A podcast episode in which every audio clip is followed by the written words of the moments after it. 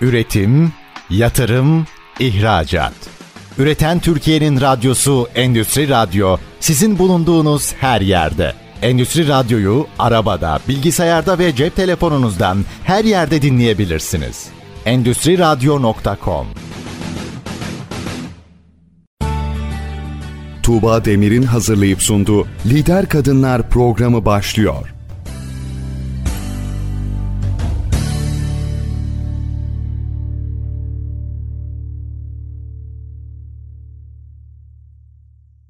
Merhaba, ben Tuğba Dedeoğlu. Endüstri Radyo'da Lider Kadınlar programındasınız. Kadın varsa hayat var diyerek yola çıktım ve her hafta alanında lider olmuş öncü kadınlarla sizleri tanıştırıyorum. Bu haftada konuğum iklim gazetecisi, iklim koçu, yazar sevgili Yasemin Mıstıkoğlu. Yasemin Hanım hoş geldiniz. Hoş bulduk Tuğba Hanım. Şimdi tabii ki ben sizi kitabınızdan dolayı tanıyorum ve iklimle ne kadar ilgili olduğunuzu biliyordum. Ve bunu aslında e, gazetecilik e, kasınızla birleştirdiniz ve özellikle iklim üzerine çok güzel çalışmalar yapıyorsunuz.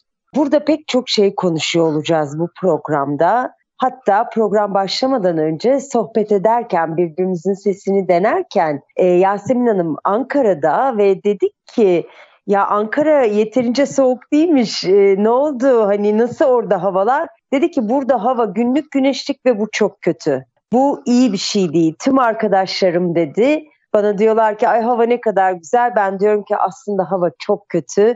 Çünkü bu mevsimde Ankara'nın günlük güneşlik olması tüm yer kürenin ısındığına delalet. Bunun işareti. Bu da hiç iyi değil iklim açısından dedi. Ve şimdi soralım bakalım. Sevgili Yasemin Hanım, iklim krizi ne demek?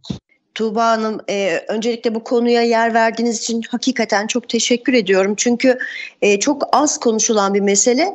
Daha doğrusu işte bir takım iklim krizinin sonucunda ortaya çıkan e, olaylar da sadece konuşulan bir mesele. Hani geçtiğimiz günlerde hava çok sıcak oldu. İşte iklim krizi uzmanları hemen e, başvurdu. Televizyonlar, gazeteler, medya. Bir süre sonra sel oldu, işte e, can kayıpları oldu, mal kayıpları oldu. Yine iklim uzmanlarına başvuruldu. Ama şimdi biraz stabil gidiyor gibi gözüküyor. Fakat iklim krizi uyumuyor hakikaten. Fakat insanlar uyuyor, medya uyuyor e, medya uyudukça, kamuoyu uyudukça maalesef insanlar da bu konuda bilgilendirilmedikçe sanki iklim krizi yokmuş gibi davranılıyor. O yüzden e, çok teşekkür ediyorum bu konuya yer ayırdığınız için. E, gerçekten Tuğba Hanım Arkadaşlarım bana telefon açıyorlar. İşte hava çok güzel bir kahve içelim dışarıda. Cümleye şöyle başlıyorum ya hava güzel değil arkadaşlar. Bu hava evet güneşli bir hava görüyorsunuz ama bu hava bu mevsimin havası olmadığı için güzel bir hava değil dedikten sonra kahve teklifleri e, geri çekiliyor. E, bir süre sonra da aranılmıyorum hakikaten. O yüzden bilmiyorum ben hemen e, sorunuza geçeyim iklim krizi ne demek dediniz? İklim krizi basitçe anlatmam gerekirse dünyanın ateşinin e, giderek yükselmesi sonucunda hastalanıyor olması demek. Dünyanın hastalanması, dünya varlıklarından yararlanan herkesin hastalanır e, hastalanıyor olması, her e, sistemin hastalanıyor olması. Yani sadece insandan bahsetmiyorum. Hani ekosistem dediğimiz o bitkilerden, hayvanlardan, denizlerden, topraktan, her şeyden bahsediyorum. Gıdadan e, bahsediyorum. Dolayısıyla direkt zaten insanlığı ilgilendiren bir mesele iklim krizi. İklim e, dünyanın ateşi yükseliyor dedim. Şöyle anlatıyorum bu meseleyi ben. İnsan vücudunun bir e, sıcaklığı var, vücut sıcaklığı var. Nedir o? İşte 36,5, 37. E, biraz böyle ateşimiz yükseldiği zaman, kendimizi biraz halsiz hissettiğimiz zaman, şöyle dereceyi bir koyduğumuzda 37,5 olduğunda hay Allah diyoruz hemen bir e, işte vitamin alalım. E, yok o işe yaramıyorsa biraz daha yükselince 38, 39 olunca bu seruma kadar gidiyor. Hatta e, çocuklarda, büyüklerde hastaneye kadar giden bir süreç olabiliyor. İşte dünyanın sıcaklığı normal sıcaklığı 14 derecedir Tuğba Hanım. 14.7, 14.5 işte o civarlardadır. Bu ortalama sıcaklık yani kutuplardan, ekvatordan her yerden alınan sıcaklıkların ortalamasıdır bu. Fakat bu sıcaklık giderek yükseliyor. Uzmanlar e, diyorlar ki bu sıcaklık e, her e, yıl biraz daha artıyor ve bizim toleran, toleransımız en fazla bir buçuk derece. Fakat şu andaki biraz sonra konuşacağız, değineceğiz neden artıyor bu sıcaklıklar. Bu sıcaklıkların artması eğer böyle devam ederse bir buçuk dereceyi çoktan aşmak üzereyiz. Eğer bu sıcaklıklar 3 dereceye ulaşırsa bizim öngördüğümüz gibi işte dünya yaşanamayacak hale gelir. İşte bu nedenle de biz buna iklim krizi diyoruz. Peki bu artışın öngörüldüğü bir tarih var mı? Yani bu üçlere gelebilir mi gerçekten? Çeşitli görüşler var. Tabii şimdi iklim gazeteciliği de e, bize anlatılırken şöyle söylendi. Evet bu tehlikeyi, bu sıkıntıları, bu meseleye bizler anlatacağız. Fakat çözümü olduğunu da insanlara anlatacağız ki bir umutsuzluk yaratmasın. Şimdi uzmanlar da ikiye ayrılıyorlar. Bazı uzmanlar diyor ki alınan önlemler e, sebebiyle tehlike biraz daha ötelendi. Fakat bazı uzmanlarımız da diyor ki hayır hala iklim krizinin büyüme hızından daha yavaş aksiyon alındığı için maalesef e, bu tarihler giderek öne çekiliyor.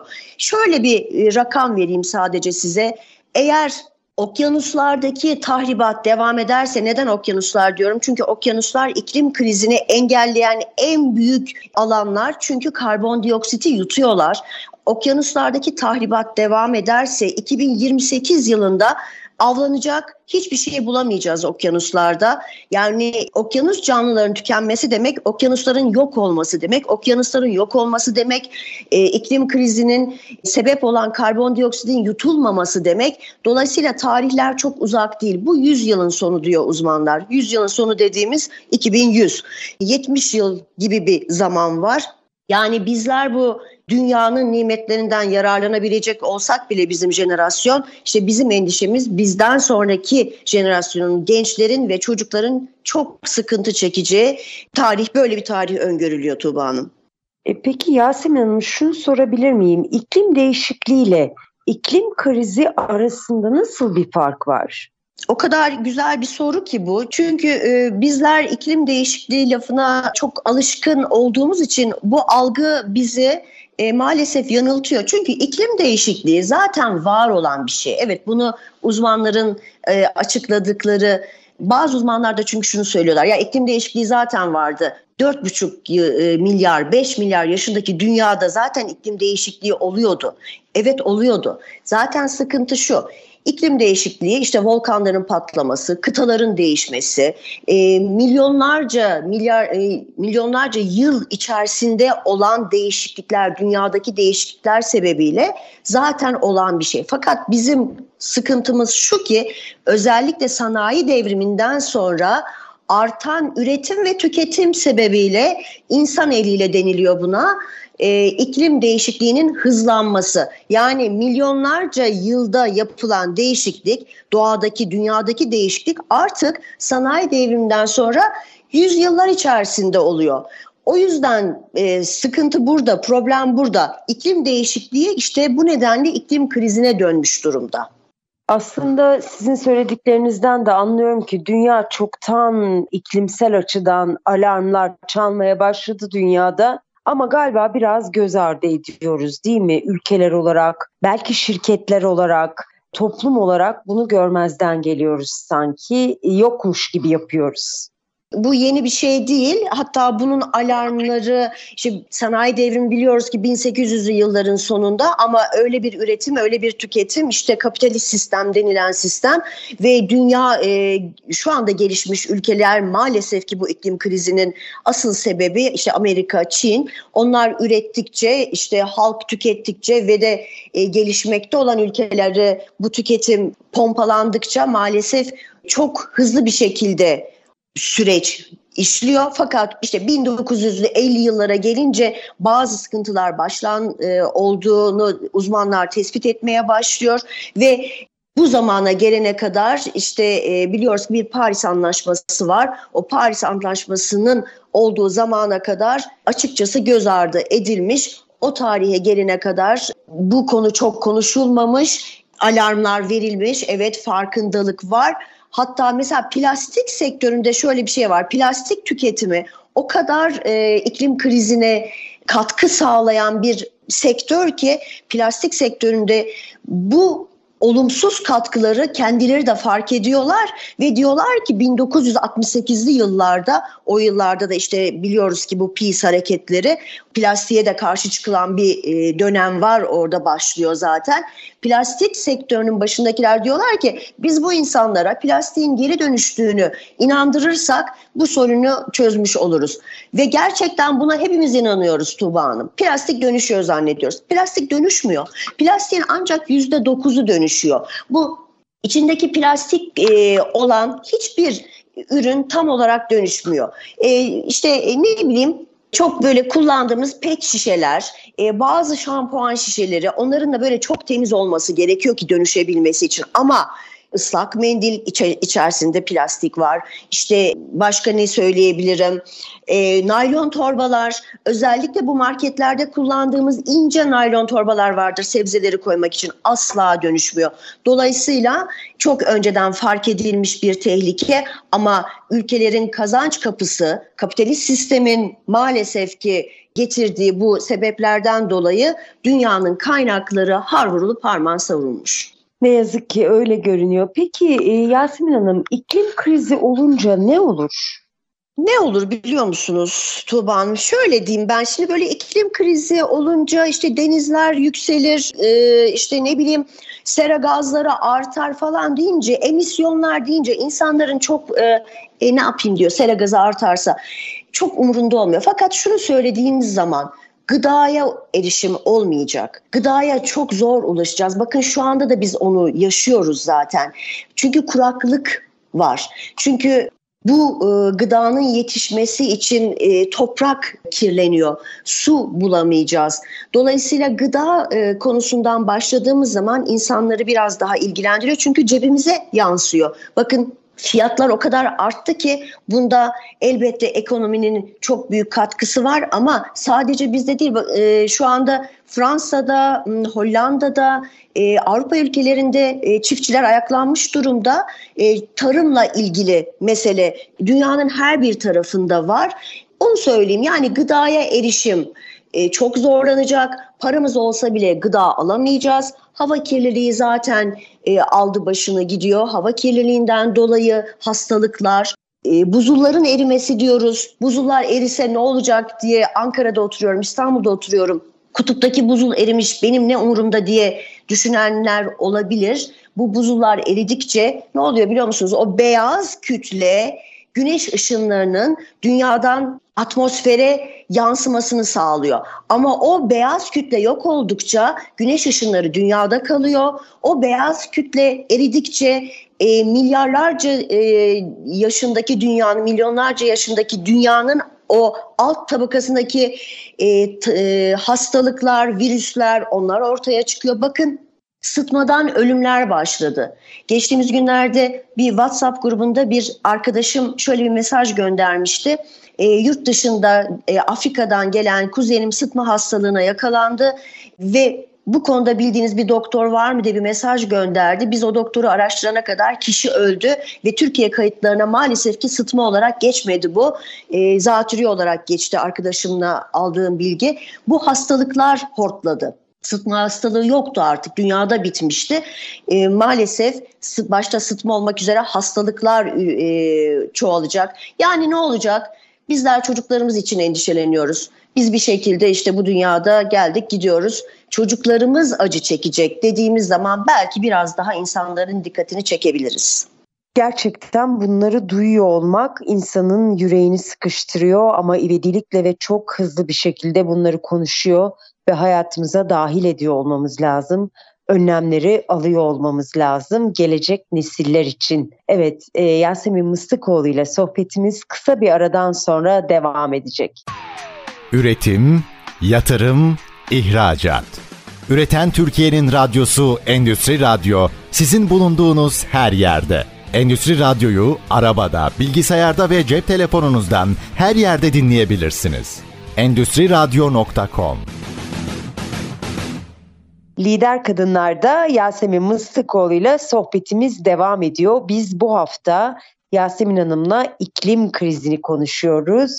İklimde neler oluyor diye sorduk ilk bölümde. İklim krizi nedir dedik. Aslında hayatlarımızda küçük değişikliklerden de bahsediyor olacağız ama bunca e, olumsuz giden e, şey varken eğer 3 derecelere gelirse ondan sonrasını toparlayamayabiliriz dedi sevgili Yasemin Mıstıkoğlu.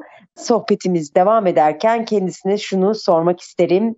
Peki Yasemin Hanım ilk bölümde dedik ki yani iklim krizi nedir dedik bize çok detaylı anlattınız ama bu krizi durdurmak mümkün mü? Bu krizi durdurmak mümkün değil ama yavaşlatmak mümkün. Zaten e, uzmanlar da onu söylüyorlar. Tuba'cığım ben bu arada şunu söyleyeyim.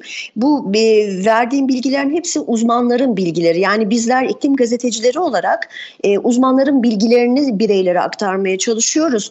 E, bunu da çok basitçe anlatmaya çalışıyorum. Çünkü hakikaten zor, katmanlı, çok dinamik bir konu. Her gün yeni bir araştırma, her gün yeni bir sonuç çıkıyor.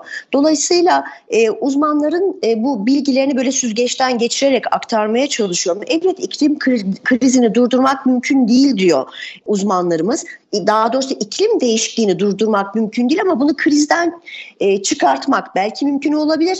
Bizler iklim krizine uyumlu yaşamak durumundayız. Yani uzmanların söylediği bu. Biz gazetecilerin bireylere aktarmak istediği de bu. İklim krizi hani bu dünyanın ısınması sebebiyle işte ne demiştim? Üretim ve tüketim. Biz ne kadar çok tüketiyorsak o kadar çok üretiliyor. Üretim neden iklim krizine sebep oluyor? Çünkü fosil yakıtları kullanıyoruz. Fosil yakıtlar nedir? İşte doğalgaz, e, petrol ve kömür bunlar da bitecek bir gün ama bitene kadar dünyanın e, maalesef mahvediyor. Çünkü bunların çok fazla tüketilmesi karbondioksit, e, metan ve e, azot demek bunlar. Dolayısıyla bunlar sera gazlarını arttırıyorlar. Sera gazı da dünyanın sıcaklığını ayarlayan bir katman. E, ben çocuklara da bunu böyle anlatıyorum. Üzerinize bir battaniye alıyorsunuz bir e, hava sıcaklığında ama e, ikinci battaniyeyi, üçüncü battaniyeyi aldığınızda fenalık geçiriyorsunuz. Bir de evin kaloriferleri açıksa acayip bir sıcaklık oluyor. Çocuklara da bunu anlatıyorum. Tek battaniye yetiyor bize. İşte bu battaniyenin kalınlaşmaması gerekiyor. Bu battaniyenin fazlalaşmaması için bizlerin iklim krizine e, uyumlu, iklim değişikliğine uyumlu yaşamamız gerekiyor ki bunu iklim krizinden çıkartalım. Yani Tuba Hanımcığım size e, söylediğiniz, e, sorduğunuz soru iklim krizini durdurmak mümkün mü? İklim değişikliğini durdurmak mümkün değil ama bunu iklim krizinden kurtarmak mümkün. Peki sevgili Yasemin, e, bu karbon ayak izi diye bir terim var ve bu şirketlerde de çokça konuşuluyor. E, karbon ayak izi ne demek?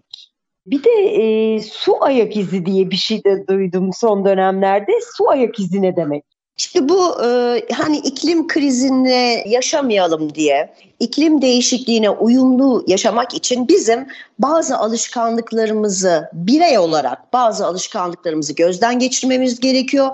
Şirketler, firmalar e, üretim politikalarını, e, çalışma e, düzenlerini değiştirmeleri gerekiyor. İş modellerini doğa kaynaklarının tükenmemesi üzerine kurmaları gerekiyor.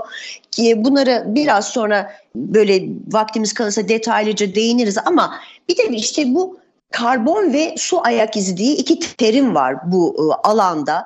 E, hem bireylerin hem iş dünyasının ortaya çıkarttığımız ne varsa bunlar bizim karbon ve su ayak izimiz. Ben bunu örnek vereyim. Mesela bir tişört alıyoruz mağazadan. Biz o tişörtü aldığımız zaman tişört üretime yani o mağazaya gelene kadar ki kullanılan tüm su o tişörtün e, için kullanılan su oluyor. Benim de su ayak izim oluyor. Mesela bir tişört 250 gramlık bir tişörtü ben mağazadan aldığım zaman 2500 litre su ayak izine denk geliyor. Bu tabii ki bunlar sanal rakamlar. Ne demek bu? O tişört pamuklu bir tişörtse o pamuğun yetiştirilmesi için önce o tarlayı sürüyorsunuz. Tarlayı sürerken bir traktör kullanıyorsunuz. İşte o traktörün bu arada karbon ayak izini de e, beraber anlatayım tişört örneğinde. Karbon ayak izi de o tişört bana gelene kadar kullanılan fosil yakıtlar olarak düşünelim. O tişört bana gelene kadar ne dedim? Traktör kullanıyorum. İşte o traktörün yaktığı karbon, e, fuel onun karbon ayak izinin ilk adımlarından başlıyor. İşte ben o e, ekiyorum. Buğda şeyi pamuğu ekiyorum. Pamuk tohumunu. Onu sula, suluyorum. İşte bu benim su ayak izimi. ilk adımını e, atmış oluyorum böylece. Şöyle gözünüzden bir geçirirseniz ben hepsini tek tek söylemeyeyim tabii ki. O e, pamuğun hasat edilmesi, fabrikaya gitmesi, çırçır fabrikasında kullanılan su, oradaki insanların çalıştığı e, çalışma süresince kullanılan su, fabrikanın çalışması için kullanılan mazot derken onun ipliğe dönüşmesi, ipliğin tişörte dönüşmesi, tişörtün mağazaya gelmesi, poşetlenmesi, onun kargo ile oraya gelmesi ve benim o tişörtü alıp üzerime giymem sürecinde e, kullanılan tüm e, petroldü, kömürdü, doğalgazdı bunlar e, benim karbon ayak izimi oluşturuyor. Orada kullanılan tüm su oranı da benim su ayak izimi oluşturuyor. Hemen birkaç tane örnek vereyim. Mesela bir kot pantolon bir kilo olarak birimleri öyle açıklıyorlar. Bir kilo kot pantolon demek 10.850 litre su demek. Bir kahve içmek 140 litre su demek. Onu da kahve çekirdeğinin yetiştirilişinden ve kahveyi nereden aldığınız da çok önemli. Eğer bu Türk kahvesi ise farklı bir e, karbon ayak izi, su ayak izi. Ama bu kahve Kolombiya'dan geliyorsa farklı bir karbon ayak izi oluyor. İşte biz burada tüketiciler olarak yerel tüketime daha çok hani burada ne yapabilirim diye sorduğu zaman kişilerin e, yerel ürünler tüketmemiz gerekiyor. Yani ben eğer bir muz yemek istiyorsan bu muz yurt dışından gelen muz değil de anamur muzu olursa karbon ayak izim daha az olacaktır. Su ayak izim daha az olacaktır. Müthiş bir açıklamaydı ve yani gerçekten muazzam bir farkındalık. Çünkü aslında günlük yaşam içinde bir kahve içmenin böyle bir etkisi olabileceğini düşünmüyoruz bile. Aklımıza bile gelmiyor aslında. Çok daha bilinçli Hatta yaşamak. Hatta Tuğba'cığım aslında bir kahveyi e, hani bir kahve iç, içmeye gidiyoruz bir ma şeye e, ne diyeyim kahve dükkanına e, fincanımızda bırak kahve bırakmış oluyoruz. Hiç fark etmiyoruz değil mi orada e, bıraktığımız o kahvenin nelere mal olmuş olacağını, onun su ayak izi, karbon ayak izi. İşte burada israf giriyor ortaya. Hani hep diyoruz ya gıda israfının iklim kriziyle ne alakası var? İşte gıda israfının iklim kriziyle şu alakası var. Tabağımızda bıraktığımız her yiyecek, e, dolabımızdan attığımız her yiyecek, çöpe attığımız her ekmek gerçekten e, iklim kriziyle işte böyle ilgisi var. Çünkü onlar üretilirken harcanan bunca e, fosil yakıt, bunca su, toprak, aklınıza ne gelirse her şey bizim iklim krizine olan maalesef ki katkımız oluyor. E, ne yazık ki ve çok o, aslında duymak hakikaten incitici, çok ciddi ve bilinçli yaşamak gerekiyor. Peki sevgili Yasemin Mıstıkoğlu, e, bunların hepsini durdurmak mümkün mü? Geri döndürmek mümkün mü? E, biz hem bireyler olarak hem yöneticiler olarak, şirketler olarak neler yapabiliriz? Umarım anlatabiliyorumdur Tuğba Hanım. Yani e, çünkü dediğim gibi hani bu doktorlar kendi konularına girdikleri zaman bazı terimlere giriyorlar ve karşıdaki insan hiçbir şey anlamıyor ya. Eğer bir şey e, orada takılırsak e, anlamadığım bir şey e, anlamadı, anlatamadığım bir şey olursa lütfen bana tekrar onu sorarsanız. Çünkü hakikaten çok önemsediğim bir konu bu. Durdurmak evet e, mümkün değil ama işte uyumlu yaşamak mümkün. E, uyumlu yaşamak ne demek? Mesela eğer çiftçiyseniz, çiftçilik yapıyorsanız mesela bizler avokado diye bir meyve tüketme, tüketiyoruz. Çok seviyoruz. Avokado Türkiye'de yetişecek bir meyve değil. Çünkü Türkiye'nin su kaynakları buna uygun değil. Ee, mesela e, Türk tarım politikası diye bir politika olması gerekiyor. Bu yöneticilere düşen görevler. Yöneticilerin e, bizim iklim krizi, iklim değişikliğine uyumlu olarak nasıl bir program e, yapılmasını biz tabii ki yöneticilerin e, yapması gerekenler fakat yöneticileri de bizler seçiyoruz. İşte burada e, ülkelerin, devletlerin yapması gerekenleri e, hakikaten çok e, uzun bir konu. Onu şöyle sadece diyeyim ki ülkelerin ve yöneticilerin yapması gerekenler var ama yöneticileri biz bireyler seçtiğimiz için bir, bir kere bu bireyleri, bu yöneticileri seçerken çok dikkatli olmamız gerekiyor. Önümüzde yerel seçimler var. Herkes kendilerine vaat edilenler içerisinde lütfen bir baksın. Var mı iklim kriziyle, iklim değişikliğiyle ilgili bir meseleleri bu adamların? Kimin varsa o partiye oy versin. O parti, bu parti, şu parti demiyorum gerçekten. Ben geçtiğimiz seçimde hiç düşünce, düşünce tarzıma uygun olmayan ama bu konuda çalışan bir partiye oy verdim gerçekten. Bizler de bireyler olarak öncelikle bu konuda adımlar atacak yöneticilere e, oy, oyumuzu vermeliyiz.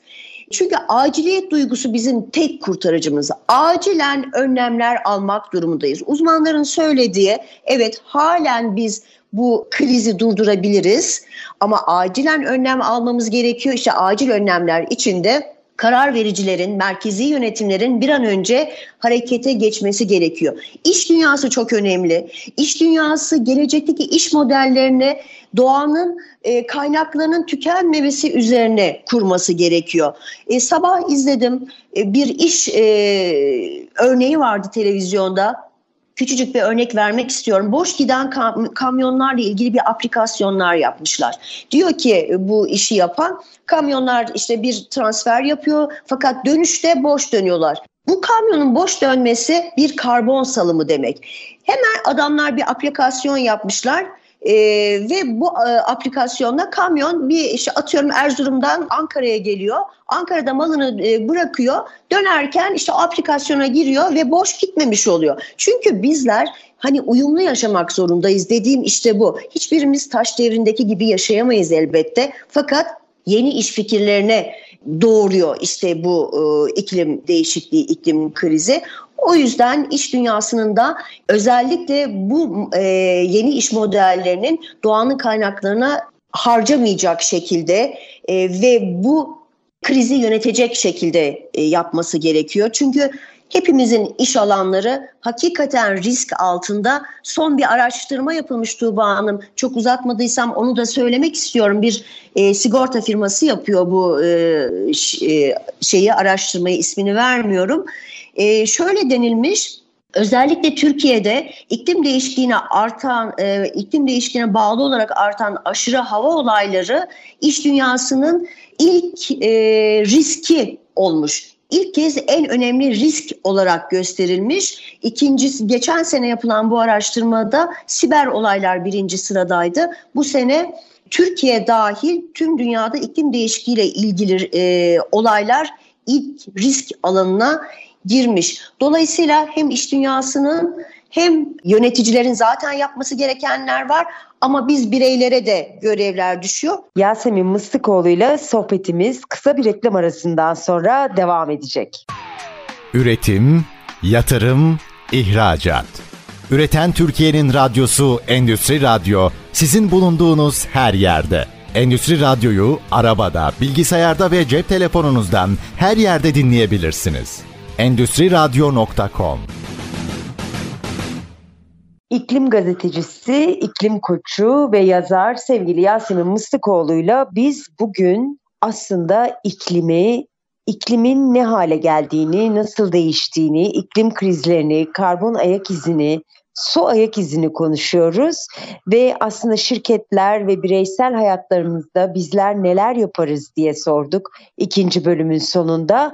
Eğer ilk iki bölümü kaçırdıysanız podcast olarak stendüstriradyo.com adresinden tüm programları dinleyebilirsiniz. Evet e, sevgili Yasemin Mıstıkoğlu soruların sonu gelmiyor ama siz aynı zamanda iklim koçusunuz ve bundan önceki iki bölümde konuştuğumuz her şey hakkında aslında danışmanlık veriyorsunuz, koçluk yapıyorsunuz.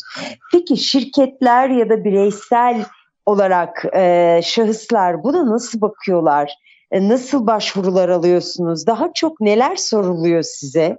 Tuba Hanım e, bana bu konuda ilk sorulan soru şu oldu. İklim koçluğu e, para kazanıyor mu iklim koçları diye. Şimdi e, iklim koçları para kazanıyor mu? Şöyle cevap. Zaten Türkiye'deki tek iklim koçu benim şu anda. O da benim yarattığım bir alan oldu aslında. Ben tabii bu haberleri takip ederken e, yurt dışında da çok literatür takip ediyorum, yayın takip ediyorum. E, The Washington Post gazetesinde bir iklim koçu arkadaşım var. Onlarla da hep haberleşiyoruz. Onunla da bunu konuştuğumda benim zaten daha önce bir koçluk e, eğitimim vardı. İklim gazeteciliği de yaptığım için e, sen de bunu rahatlıkla yapabilirsin demişti ve ben bu sene iklim koçluğu alanına geçtim. Onu hemen kısaca değineceğim. E, fakat e, şunu unutmadan söylemek istiyorum. Hani dedim ya liderlerin birlikte hareket etmesi gerekiyor diye ikinci bölümde e, sabah bir haber e, geldi. O gerçekten çok üzücü bir haberdi. Onu vermek istiyorum. Atlamamış olalım hep beraber. Geçtiğimiz günlerde e, COP28 toplantısı yapıldı. Birleşik Arap Emirlikleri'nde COP28 dünyanın en büyük iklim toplantısı. Bu 28. o yüzden COP28 diyoruz. Ve o toplantıda denilmişti ki zarar gören, iklim krizinden zarar gören e, fakir ülkeler var, yoksul ülkeler var maalesef.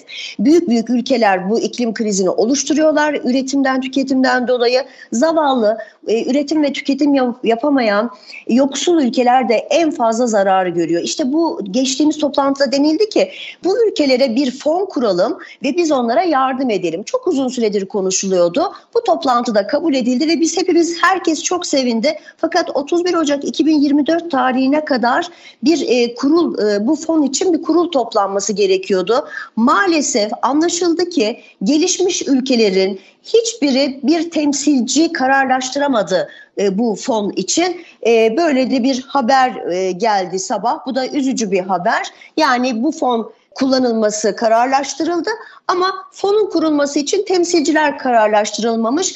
Dolayısıyla hani dedim ya ülkelerin birlikte hareket etmesi gerekiyor diye ülkeler bu konuda beraber hareket edemiyorlar. Daha doğrusu burada birlikte hareket etmişler. Hiçbiri bildirmemiş. E, kendi canlarını isterse, nasıl isterse öyle hareket ediyorlar işte. O zaman da çok samimi gelmiyor hakikaten. İklim koçluğuna geçeyim. Yani biz ülkeleri bekleyecek miyiz? Yönetimleri bekleyecek miyiz? Neticede bizim çocuklarımız, geleceğimizin çocuklarımız için elimizdeki, avucumuzdaki her şeyi veren bizler. Onlar için bir ev, bir araba, bir arazi bırakmak için çalışan biz anneler, babalar e, bu çocuklarımızın geleceğini hiçbir şey yapmayan bu liderlere hiçbir şey yapmayayım diyeyim ama e, demeyeyim de daha az yapan bu liderlere mi bırakacağız? İş dünyasına mı bırakacağız? Bizler e, bu konuda kararlı olmamız gerekiyor. Kararlı olmamız için de bilinçli olmamız gerekiyor. İşte iklim koçluğu burada devreye giriyor. İk, iklim koçluğu tamam biliyorum iklim e, krizi var, e, değişikliği var ama ben ne yapabilirim diyen e, bireyler için bir alan para kazan kazanıyor mu? Hayır kazanmıyor. Çünkü iklim koçluğu, e, yaşam koçu gibi e, bir e, alan değil şu anda. Hiç kimse gelip de size ya benim çok sıkıntım var. Bu hava şu anda güneşli ama ben çok üzülüyorum. Bu iklim için ne yapabilirim? Size biraz para vereyim de beni yönlendirin demiyor tabii ki. Ben kendi sosyal medyamda e, yayınlıyorum. Mutfağımızda ne yapabiliriz? Banyomuzda ne yapabiliriz? Restoranda ne yapabiliriz? Çocuklarımıza nasıl bir alışkanlık kazandırabiliriz? Çünkü bizler alışkanlıklarımızı değiştirmek zorundayız. İşte iklim koçu şu anda bunu yapıyor. Ben yani bunu yapıyorum ama şu var e, firmalar, okullar gelip de gelin e, bizim çocuklarımızı bilinçlendirin, gelin bizim ailelerimizi bilinçlendirin dedikleri zaman bir hizmet bedeli tabii o zaman alınıyor. E, iklim koçu ancak böyle bir para kazanıyor ama zaten Tuğba Hanım gerçekten bu işler parayla pulla yapılacak işler değil. Bizler artık biraz daha farklı düşünmemiz gerekiyor. Elbette para kazanmamız gerekiyor. Elbette e, hayatımızı sürdürmemiz gerekiyor ama alışkanlıklarımızı da değiştirmemiz gerekiyor kısacası. Peki bu alışkanlıkları değiştirmede siz nasıl destekler veriyorsunuz? Özellikle belki de şirketler için sormamda fayda var. Çünkü şirketlerin bıraktıkları karbon ve su ayak izleri daha montanlı anladığım kadarıyla şahıslara nazaran. Şöyle, e, şimdi bir kere sıkça duyduğumuz bir sürdürülebilirlik raporu var. Ben sürdürülebilirlik uzmanlığı eğitimi de aldım. Bu raporlar nasıl hazırlanıyor diye. E, şimdi şirketler bu raporlarını hazırlamaya başladılar. Şirketler de bireyler de ceplerine dokununca bu e, meseleye e, kulak kabartıyorlar. Belki sadece okullarımız. Ya yani okullarda ben eğitim veriyorum. Çocuklara gidip bilinçlendirme yapıyorum. E, kreşten tutun lise talebelerine kadar. Onlara gidip bunu anlatıyorum. Farklı şekillerde anlatıyorum tabii ki. Ama e, orada daha bilinçli bir e, topluluk var. Eğitim çok önemli ve en çok da bunu önemsiyorum hakikaten. Şirketler konusunda yani henüz iklim koçu olarak davet edilmedim ama iklim gazetecisi olarak davet edildiğim yerler vardı. Oraya gittiğim zaman moderatörlük olsun, e, iklim konusunda bilgilendirme olsun. İşte mesela e, hakikaten e, denizcilik sektörü o kadar yoğun bir şekilde etkilenen bir sektör ki bu denizcilik sektörü iklim e, konusunda böyle bir toplantıya katılmıştım. E, fakat e, çıkarlar da tabii orada bir çatışıyor. Yani firma diyor ki ben sürdürülebilirlik e, konusunda çok e, uzmanım ama işte hala e, fosil yakıtlı gemilerden kaynaklanan zehirli kirleticiler yayan bir sektörüm, denizcilik sektörü. Yani bu bu çok şey bir m, denge aslında. Tamamen e, bu konuda e, karbon nöt diyoruz ona. Kar, yani karbonu tamamen sıfırlayan firmalar henüz çok az. Ama e, ben elimden geldiğince ulaşmaya çalışıyorum. Ulaşan yerler oluyor. E, bu konuya çok e, dikkat eden e, yerler de var. Mesela geçtiğimiz günlerde gıda israfı konusunda bir apliko, aplikasyon yapmış bir firma. Onunla beraber bir çalışmamız var şimdi. O gıda israfını önlemek için bir e, eğitim modülü oluşturmuş bir firma. Onunla birlikte çalışacağız, çalışıyoruz şimdi.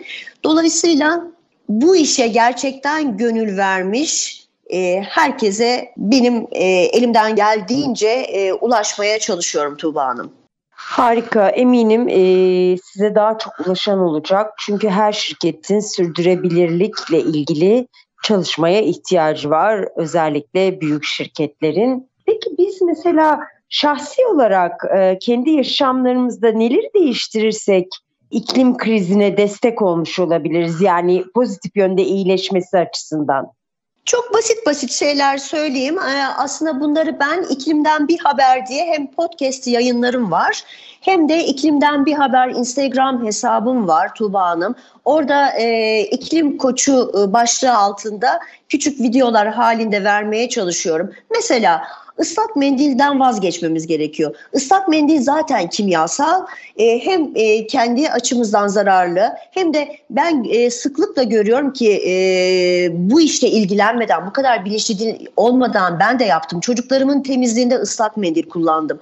Çocuklarımıza bu kadar dikkat ederken organik besin peşinde koşarken doğal besin peşinde koşarken ıslak mendille onların vücutlarını temizlemek hiç mantıklı değil. Bir. ikincisi bunlar asla geri dönüşüm olmuyor. Bunlar geri dönüşüm olmuyor da ne oluyor? İşte bunları biz denizlerimizde görüyoruz, okyanuslarda görüyoruz. Bu da ne oluyor? Denizlerin ve okyanusların yok olması iklim krizinin engelleyen e, bir yapının bir taşının yok olması demek. Çünkü denizler ve okyanuslar karbondioksiti yok eden, yutan en büyük yutak alanlar. Ne yapabiliriz demek ki? Islak mendilden vazgeçmemiz gerekiyor. İkincisi tek kullanım plastikler. Yani biz şimdi gidiyoruz... E, yolda giderken e, uzun yolda canımız kahve istiyor. Şimdi artık e, benzin istasyonları bu konularda çok havalı. Karton bardaklar e, hemen önümüzde kullanmayalım. Lütfen reddedelim. Karton ve plastik bardakları reddedelim. Ne yapalım? Yanımızda taşıyalım. Ben yanımda taşıyorum. Hem termosumu taşıyorum hem bardağımı taşıyorum. Üstelik daha ucuz. Dünya kadar 70 lira en az bir para veriyoruz bu kahvelere. Ama biz e, yanımızda taşıyarak o fincanımızı hem bütçemize katkı sağlamış oluruz hem de bir plastiği daha dünyaya salmamış oluruz. Su konusunda yani mesela banyo yaparken hepimiz yapıyoruz. Açıyoruz suları faşır fuşur ısınsın ben öyle gireyim duşun altına. Evet soğuk duşun altına girmeyelim ama hemen altına bir kova koyalım. Lütfen o kovaya çiçeklerimizi sulayabiliriz. Balkonumuzu yıkayabiliriz. E, arabamızı sürekli yıkatmak zorunda değiliz. O araba pis gezebiliriz. Yani yapılacak çok şey var ama süremiz burada çok az. Çok teşekkür ediyoruz Yasemin Hanım katıldığınız için, e, bize bu konuda bilgi verdiğiniz için. Gerçekten benim için de bazı şeyleri duymak çok şaşırtıcı oldu sizden. e, daha dikkatli yaşamak, daha bilinçli yaşamak, daha iyi yaşamak ve gelecek nesillere daha iyi bir dünya bırakmak için size kulak vermek gerekiyor. Tekrar çok teşekkür ediyorum programa katıldığınız için. Ben çok teşekkür ediyorum ve e, ben programlarımı genelde şu söz beni çok e, hakikaten etkiliyor. Ben öyle kapatmak istiyorum izin verirseniz. Hakikaten çocuklarımıza bakın milyonlarca para ödeyerek en güzel okullarda okutmaya çalışıyoruz çocuklarımıza. En iyi imkanları vermeye çalışıyoruz ya herkes kendi e, derecesinde çocuğuna bir yatırım yapmaya çalışıyor. Bir ev, bir araba, bir işte bir arsa bırakmaya çalışıyor. Ama biz çocuklarımıza yaşanabilir bir dünya bırakmazsak bu ne eğitimin ne bıraktığımız malın mülkün hiçbir önemi olmayacaktır. Dolayısıyla hiçbir şey için e, endişelenmiyorsak çocuklarımız için endişelenelim, endişelenelim ve lütfen alışkanlıklarımızı değiştirelim diyorum. Evet, bir Lider Kadınlar programının daha sonuna geldik. Bir sonraki programda buluşmak dileğiyle sevgiyle kalın, hoşça kalın.